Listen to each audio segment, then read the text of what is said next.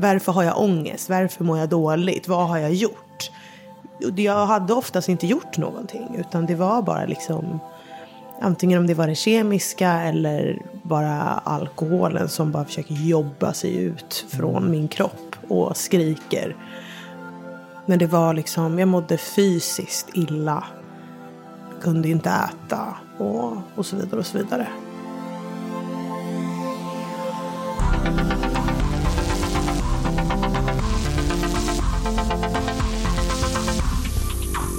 Du lyssnar på Fyllepodden från IQ med mig, Musse Hasselvall.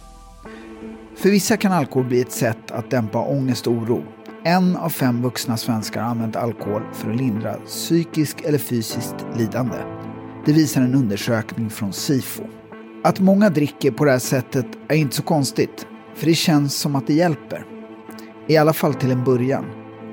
Men effekten blir ofta kortvarig och ångesten och oron kan bli ännu starkare efteråt. Alkohol aktiverar nämligen kroppens alarm och stresssystem. Det här är något som artisten Janice Cavander har funderat mycket över.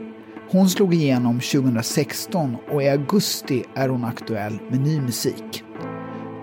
Karriären går riktigt bra, men tidigare i livet har Janice haft det tufft och hon har funderat en hel del på den period i livet när hon drack som mest. Om det var värt de vidriga baksmällorna. Och varför festar hon så mycket? Egentligen.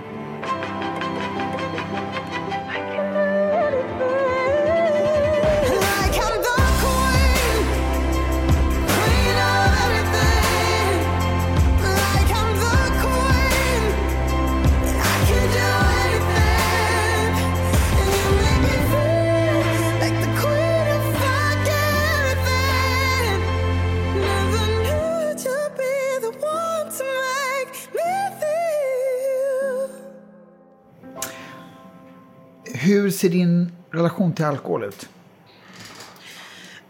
Lite komplicerad skulle jag vilja säga. Som en, som en relation på Facebook typ?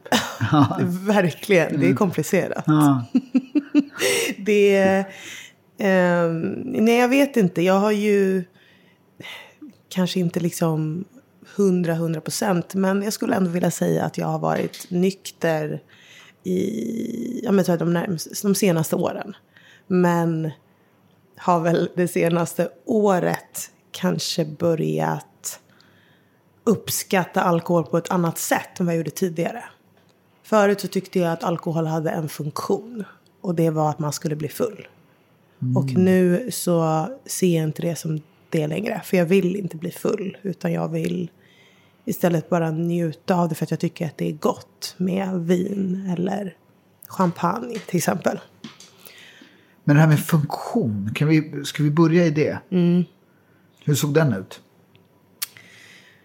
När jag till exempel fyllde 18 och började festa och gå, liksom gå ut eh, flera dagar i veckan. Då hade ju alkoholen definitivt bara en funktion.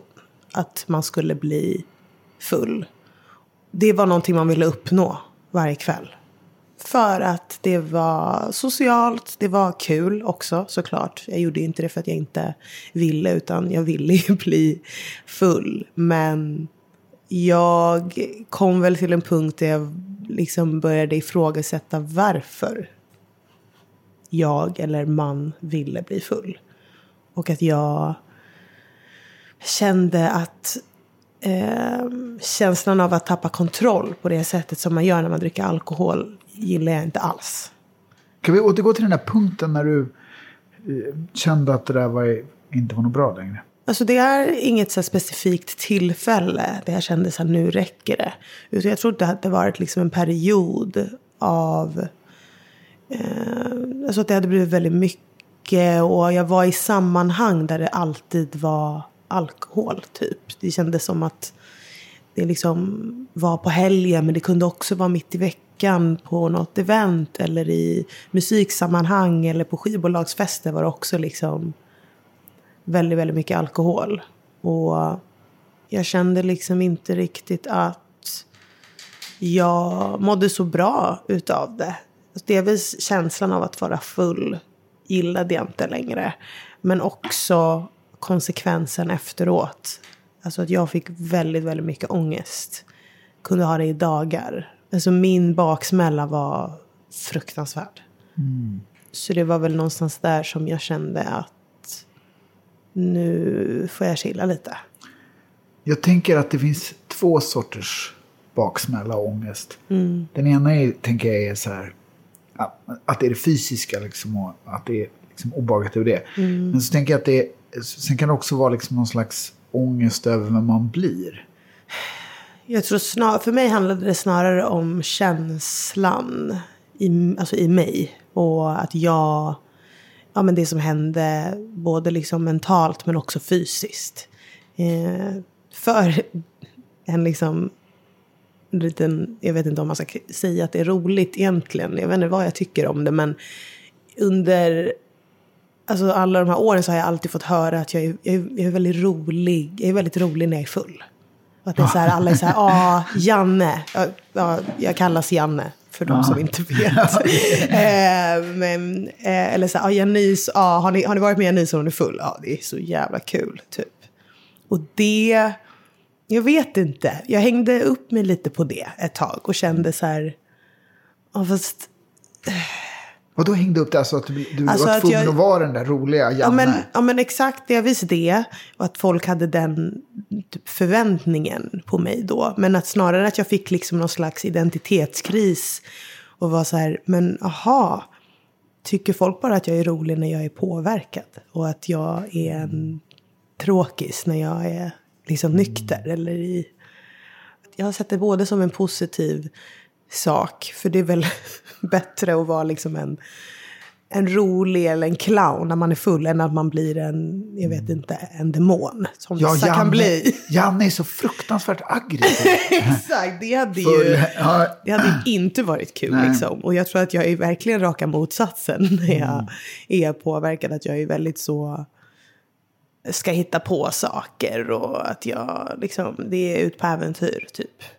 Men jag tror att jag kände att fast jag vill ha kontroll över det. Jag vill kunna bestämma när jag ska vara på det här sättet eller inte. Och jag kände att jag inte hade den kontrollen när jag, när jag drack. Utan det kom ju bara då liksom. Jag gillade inte den känslan. Alltså folk säger ju det och bara så här. Det är ju bara kul. Eller typ så här, kan vi inte ha en kväll till med Janne? Typ. Och jag var så här. Mm, jag vet inte.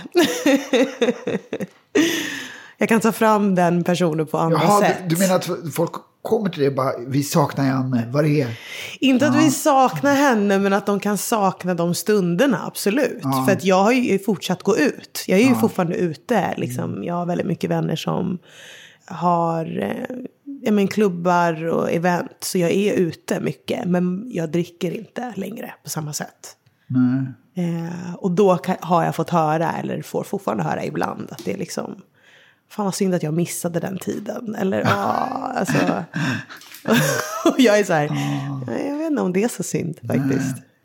Om du skulle liksom titta på de här tillfällena när du är liksom i bakfyllan då. Mm. För du prat, om jag förstod det rätt så var det, var det mest en fysisk grej för dig, det, det som var jobbigt.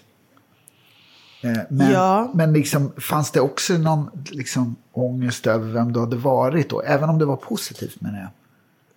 Att du liksom gick över gränser med dig själv eller? Ja men abs absolut, så mm. kan det ju vara. Alltså så här, jag eh, är väl en person med ganska mycket integritet. Och det släpper väl när jag är påverkad liksom.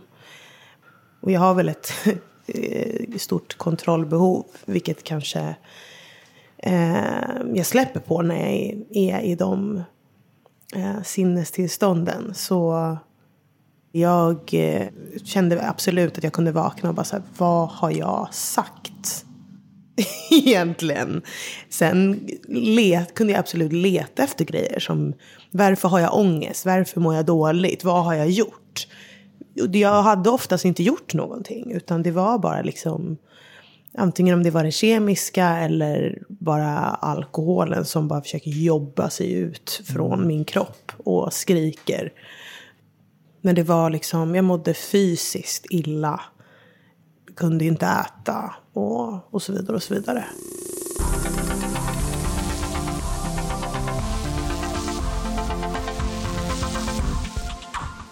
När jag slutade dricka, det var verkligen över en natt. För mm. mig var det så här att, att jag vaknade dagen efter och kände så här, oj, det är massa människor som jag tycker om som jag behöver be om ursäkt. Mm. Det var i 20-årsåldern och då mm. var det bara så här, då la jag bara ner det helt. Mm. Men det, var ju också för att jag hade mycket alkoholister runt mig. Ja. Alltså det var ju liksom någonting, man, jag, så, jag såg någonting, eh, någonting i mig själv som jag inte gillade hos andra då. Mm. Eh, och eh, eh, så det var liksom ett enkelt val. Vad, det, liksom, hur såg ditt beslut ut? Jag vet inte, den här känslan av att så här, det här hade jag aldrig gjort om jag var nykter. Det liksom etsade sig fast. Och kände, och jag, jag, menar, jag kände väldigt tydligt att jag vill inte känna så här igen. Och hur gör jag för att inte känna så här? Sluta dricka så liksom. Det är mm. inte svårare än så. Men också att jag var så här, vad är det jag vill få ut av det egentligen? Alltså vad, vad är det vi söker efter när vi går ut på det här sättet och dricker oss så här fulla? Jag vet inte, jag kände liksom att jag var på en plats i mitt liv där jag inte kände att det gav mig någonting. Det så här, går jag mm. ut för att träffa någon? Nej, för jag, har, jag är i ett förhållande. Jag kan gå ut för att dansa och ha kul med mina vänner.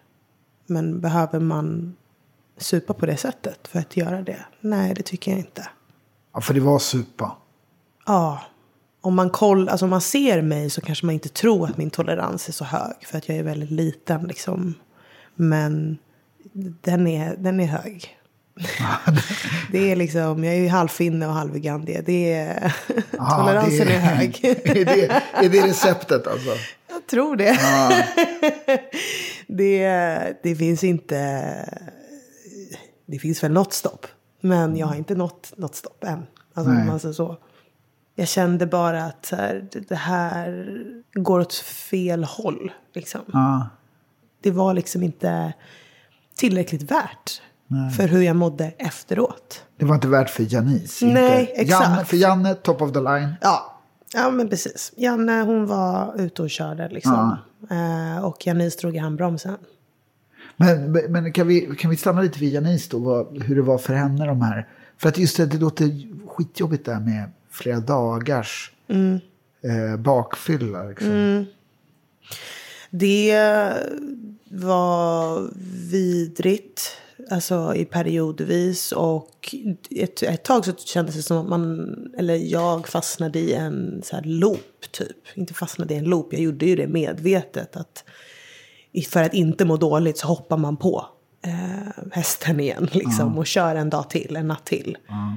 I, och i perioder när man var liksom eh, ledig eller, oh, jag var inte ens ledig, jag gick i skolan, jag gick på gymnasiet liksom. Kunde jag ändå festa onsdag till söndag utan problem. Men eh, jag tror också att det har väldigt mycket att göra med mitt liksom, psykiska tillstånd då. När jag fyllde 18, det var ju... Vad var det? Två, tre år, tre år efter att jag förlorade min pappa. Eh, och han tog sitt liv, vilket var ja, men det största traumat jag någonsin upplevt. Och det tog ganska lång tid innan jag bearbetade det och min sorg. Och jag tror att det blev som en eh, självmedicinering att dricka. För att då behöver jag inte känna lika mycket liksom. Och det kändes som att jag gjorde liksom, vad ska man säga, många parallella inre resor och försökte liksom navigera i vad i vem, vem jag var och alltså i den åldern också när man är liksom var 15 till 20 år är det som att livet är på, alltså på liv och död verkligen. Och för min del så hade ju också mitt liv vänts upp och ner. Jag kände inte att jag hade någon liksom, trygg punkt eller trygg mark att gå på överhuvudtaget. Jag försökte bara hitta någonting att hitta trygghet i. Liksom. Mm. Det blev väl liksom när jag beslutade mig för att eh, sluta dricka så beslutade jag mig också för att ta tag i min mentala hälsa liksom, och bearbeta pappas död. Och hur var din relation till din pappa? Väldigt, väldigt bra. väldigt eh, trygg. Min pappa har alltid varit eh, en väldigt viktig person för mig. Och ja, jag, jag, vet inte, jag hittar liksom inte riktigt orden men det jag blev förkrossad när han dog. Det var, jag hade i princip ingen aning om att han led så mycket som han led. Det var jobbigt för jag trodde att jag hade liksom en så himla tydlig bild av hur, va, hur vår relation var. Och att jag kände väldigt stor skuld i att jag inte har förstått hur mm. han har mått. Det är väldigt vanligt att anhöriga känner skuld när någon i närheten tar självmord. Men det är ju också samhällets bild av psykisk ohälsa, av självmord också, som gör det, gör det svårt för anhöriga att inte känna skuld och skam. Mm. Så alkoholen var ju definitivt en flyktväg för mig att inte känna. Och inte att liksom ens bearbeta de känslorna. Det här är ju saker som jag kan säga idag. Men då tror jag inte att jag eh, visste att det var skuld jag bar på. Liksom. När var du liksom insåg att det hade så mycket med, med din pappa att göra? Det insåg jag väl när jag började gå i terapi. Eh, så innan jag hade satt ord på det så tror jag att jag försökte, inte skylla på, men jag trodde att det var... Alltså jag blir så bakis, jag mår så dåligt liksom. Det är inte värt det för mig. Punkt. Det var så jag liksom förklarade. För om, och om folk frågade också så var det ju så att jag bara, nej men nej, det är inte värt för jag mår så jävla dåligt efteråt liksom. Men jag tänker så här att en av fem svenskar mellan 18 och 79 år har använt alkohol för att lindra psykisk eller fysiskt lidande. Mm. Om, liksom, om du är så, så, så, nära in på din pappas självmord och liksom i, i, i, så unga år drack otroligt mycket. Var det, fast det inte människor runt omkring dig som, som reagerade på det? Nej, helt ärligt talat nej. För jag, jag tycker att det var det är klart, alltså, när jag var 16-17 att min mamma reagerade om jag drack. Absolut. Det gjorde ju liksom allas föräldrar i, min, i mitt kompisgäng. Men vi tänkte väl bara att det var en del av konsekvensen. Och så sa man förlåt och kanske fick utegångsförbud i någon dag eller två. Och sen så fortsatte man liksom på som vanligt, som ungdomar gör. Och när jag väl blev 18 så tycker jag också att det blev en helt annan inställning till det. För det är ju socialt accepterat att dricka alkohol. Och att dricka alkohol på det sättet som man kan göra, även fast man bara är 18, tycker jag också är liksom socialt accepterat. Så ingen tyckte egentligen att det var konstigt med tanke på att alla andra gjorde det. Typ. Nej. Faktiskt. Hade alkoholen någon typ av positiv effekt i ditt sorgarbete? Shit vad svårt. Jag vet inte om det är positivt. To be honest. Jag hade ju jättekul. Till viss del liksom. Alltså haft sjukt kul. Jag vet inte om det är positivt eller negativt. Men jag minns liksom första resan jag gjorde efter pappa hade dött. Då kände jag till och med att så här, jag bråkade väldigt mycket med mig själv om hur, hur jag skulle vara i min sorg. Om jag typ skrattade till så var det som att jag bara hämmade mig själv och var så här, uff, man ska inte skratta för jag mår dåligt. Och till exempel den här resan som jag gjorde med mina tjejkompisar ganska kort inpå efter hans död. Så det var väldigt förlösande för mig att verkligen bara få vara eh, en ungdom och få ha kul med mina tjejkompisar. Och det var väl också någon så konstig bild jag hade av hur det ska vara. Och det har jag också förstått nu att sorg finns liksom i alla olika former. Och man kan aldrig riktigt veta hur man kommer bearbeta saker. Och jag tror att den resan som jag gjorde efter blev väldigt så förlösande för mig. För att då insåg jag att jag kommer kunna skratta igen och jag kommer faktiskt kunna göra det och, och känna den här, det här lyckoruset eller liksom livsglädjen igen. Så det var ju jätteviktigt för mig att göra den resan till exempel och då, då var det ju alkohol inblandat.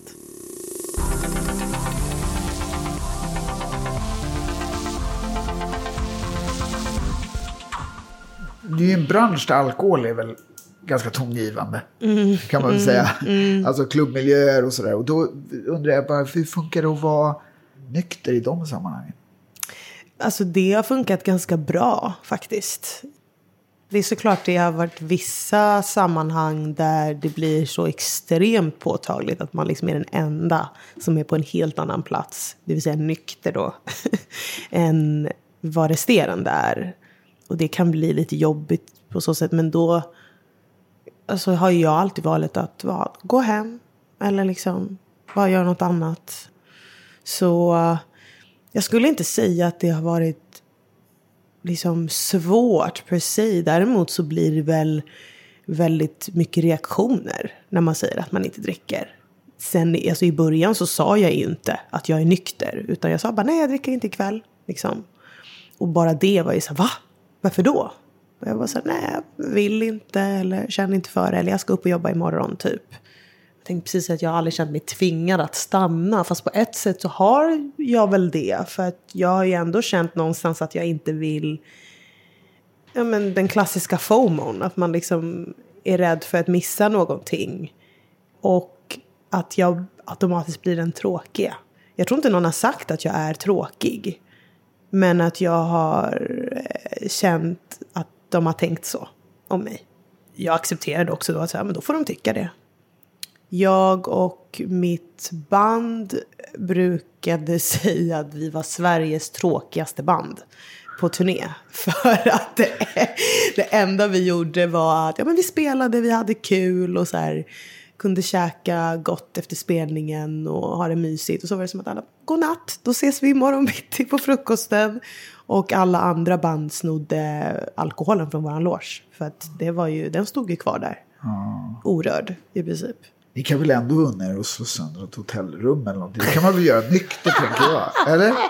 Det är väl rimligt? Nej, nej. Vill ni vara Sveriges tråkigaste band? det, det är straight up. straight fast, up. fast low key Sveriges roligaste band skulle ah, jag okay, säga. Okay. Men att vi... Eh, Nej, vi har inte haft de där. Vi har haft några liksom, rövarkvällar ihop, absolut. Men nej, det har varit väldigt städat, skulle jag vilja säga. IQ-SIF-undersökningen för 2018 mm. som handlar just om passivt drickande, där, liksom hur man påverkas av att andra är fulla. Mm. Eh, så, så ser man att två av tre har känt sig otrygga på krogen på grund av andra människors alkoholkonsumtion. Mm. Jag tänker att det är så mycket saker som kommer med liksom den där miljön. Mm. Som blir liksom att folk pratar högre. Mm, man kan uppleva dem som jävligt aggressiva, i alla fall om man är nykter. Men eh, hur, hur har det varit för dig? Jag, jag har bara liksom känt att det har blivit så tydligt att folks filter försvinner. Liksom. Det finns liksom inga hämningar riktigt. Det är som att vi blir som djur. Och det är lite obehagligt. Men också i de stunderna så har jag ju bara varit så här, men jag går hem. Eller jag eh, liksom gör något annat. Men är det inte så att det också kan att du kan missa ett jobbtillfälle, att det liksom finns en förväntan att du ska vara någon person mm. utifrån det sättet också. Att du vet att det är, en, det är liksom ett sätt att skapa kontakter och alltså det är kanske lättare alltså, att liksom. Ja, ja och nej, för att jag tycker att den där är så jävla speciell. För att jag har ju absolut kunnat typ mingla eh, Eh, om man är ute på klubben eller om man är på något eh, event eller om det är något skivbolag som har fest. Och jag har ju absolut varit nykter och känt så här, nu börjar det bli lite rowdy här typ.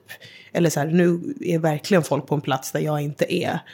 och så har jag liksom hållit ut lite länge för att eh, ja, men det kan vara bra att networka, whatever, liksom, vad det än kan vara. Det kanske är någon person där som jag har velat jobba med. Eller, liksom. Men eh, det har inte blivit liksom eh, varit frustrerande för mig.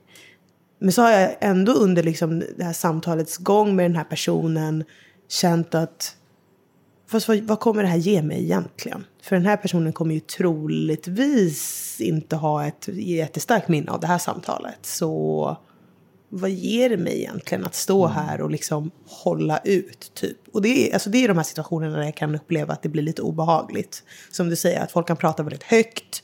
Folk kan upplevas aggressiva. Men Nej, jag, jag, känner liksom inte riktigt att jag behöver ta vara på de stunderna för att, få, för att det ska ge mig jobb. Har du utvecklat några strategier då för att vara nykter i de här sammanhangen? Eh, ja, ja, absolut. I början så kunde jag ju, alltså att jag gick ju till baren och beställde kanske en Loka eller en eh, energidryck eller sådär. Och så bad jag dem ju hälla upp det i ett glas och lägga i någon lime eller någonting. Så ser det ut som att det är alkohol. Det är kanske en strategi att få folk att inte fråga. Ah, eh, för om jag har ett glas i handen så tänker väl folk automatiskt att det är alkohol. Mm. Eh, och vanligtvis om man beställer typ Loka eller så, så får man ju flaskan typ eller en Red Bull mm. liksom. Eh, så det gjorde jag absolut i början för att bara undvika reaktionerna. Typ. Mm. Och jag upplevde att det kunde typ påverka andras liksom förväntan av kvällen. Typ. Att det var så här, mm. aha.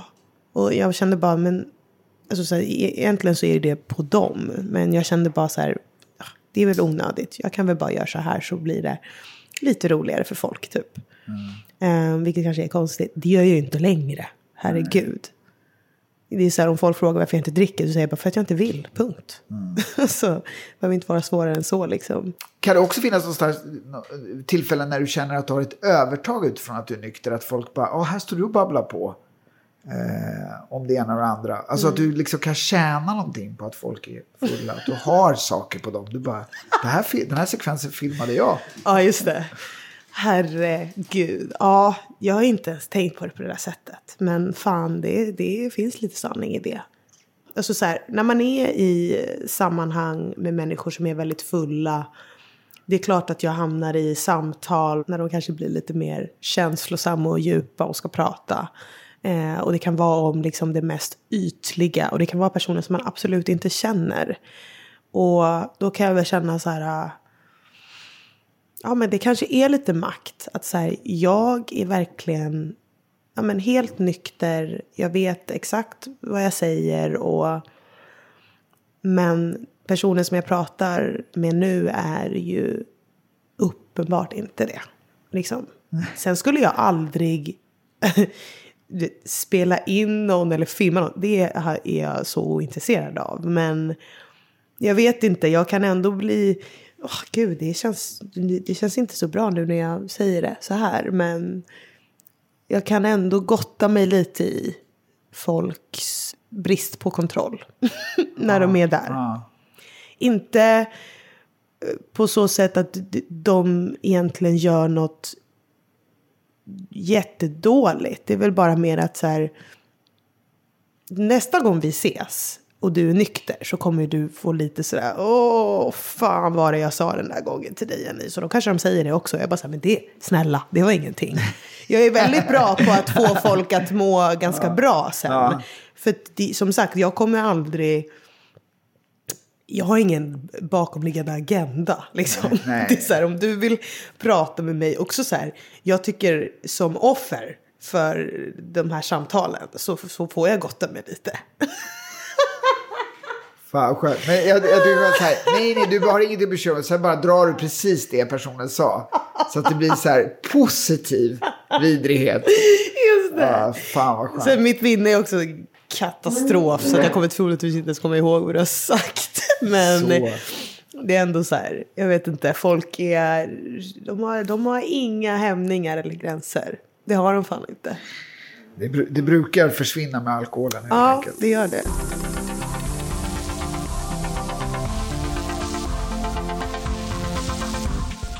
Hur tror du att ditt drickande ser ut framåt? Eh, jag tror att jag kommer vara ganska så... Jag är inte, jag är inte fyrkantig. Skulle jag inte säga att jag är. Men jag väljer mina tillfällen helt mm. enkelt. Och det tror jag att jag kommer fortsätta göra. Eh, nu under liksom den här pandemin så har ju till och med jag saknat klubben. Det trodde jag inte skulle ske. Så vem vet, jag kanske kommer ur det här och börja festa igen. Nej, det kommer inte ske. Men eh, jag tror absolut att jag har en helt annan syn på alkohol idag. Och det tror jag, tror jag att jag kommer fortsätta med. Eh, jag väljer verkligen mina tillfällen väl. Och jag kommer ju aldrig över, vad säger man, salongsberusade gränsen. Redan där så blir jag nästan rädd och börjar dricka vatten. Liksom, för att balansera ut det. Så kommer jag nog kanske alltid vara. Men är det för att du känner att du kommer gå över en gräns och sen så är du bara okej, där välte jag bordet, där körde jag. Alltså... Jag, jag tror att jag har blivit så rädd för att bli full för att det var så länge sedan. Att jag inte vet hur jag skulle, vara, alltså hur jag skulle hantera det längre. Mm. Så tidigare så har jag ju liksom haft ett recept på hur det kommer ske. Jag vet exakt vad som kommer hända om jag dricker de här enheterna till exempel. Mm. Men idag är det som att jag bara, men nu, jag, jag har ingen aning. Mm. Faktiskt. För min tolerans är uppenbart mycket lägre. um, Men eh, samtidigt så, så fort jag börjar känna mig berusad så antingen så slutar jag dricka eller så börjar jag dricka vatten. Men är det för att du är rädd för att Janne kommer tillbaka? Nej, jag vet inte vad det är. Eller jag vill tro att det är att jag inte riktigt vet hur jag skulle hantera det idag. Alltså så här, känslan av att typ må illa är, kan vara den värsta känslan. Liksom så lite det. Och självklart att jag inte vill tappa kontroll. Liksom. Saknar du Janne ibland? ja, det kan jag absolut göra. Jag kan sakna hur, eh, typ hur spontan hon kunde vara. Och eh, bara så här sakna känslan av att släppa loss lite. Samtidigt så går inte det ihop med mitt kontrollbehov. Det är där det liksom glitchar. Och alltså så här, det kan ju absolut, eller det har ju funnits de tillfällena kanske så här om man tänker typ de två senaste åren där jag har snuddat vid Janne. Observera snuddat verkligen. Och jag har haft jättekul. Och det har mm. inte varit någon ångest som har följt med det egentligen. Mm. Det är som att jag ser det som ett, att jag hade ett problem samtidigt som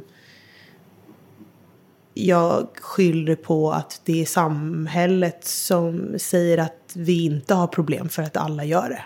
Alltså att det är ingen som har problem egentligen fast vi alla har egentligen det. Mm. Mm. typ så. Mm. Um,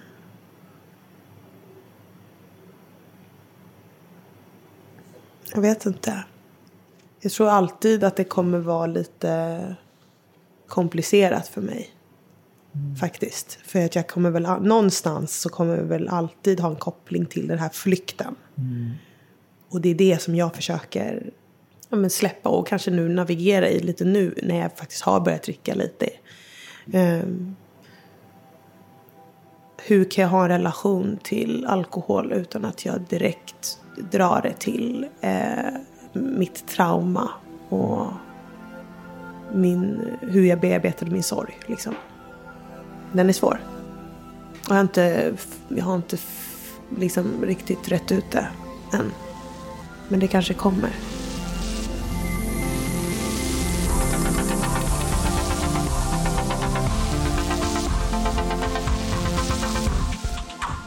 Du har lyssnat på Fyllepodden med mig, Musse Hasselvall. Det här är en podd som görs på uppdrag av IQ som verkar för en smartare syn på alkohol. Glöm inte att prenumerera på podden. Skriv gärna en recension och ge ett betyg också. Det gör att fler hittar oss. Den här podden görs av Commercial Content och producent är Andreas Utterström och klipper gör Andreas Karlsson.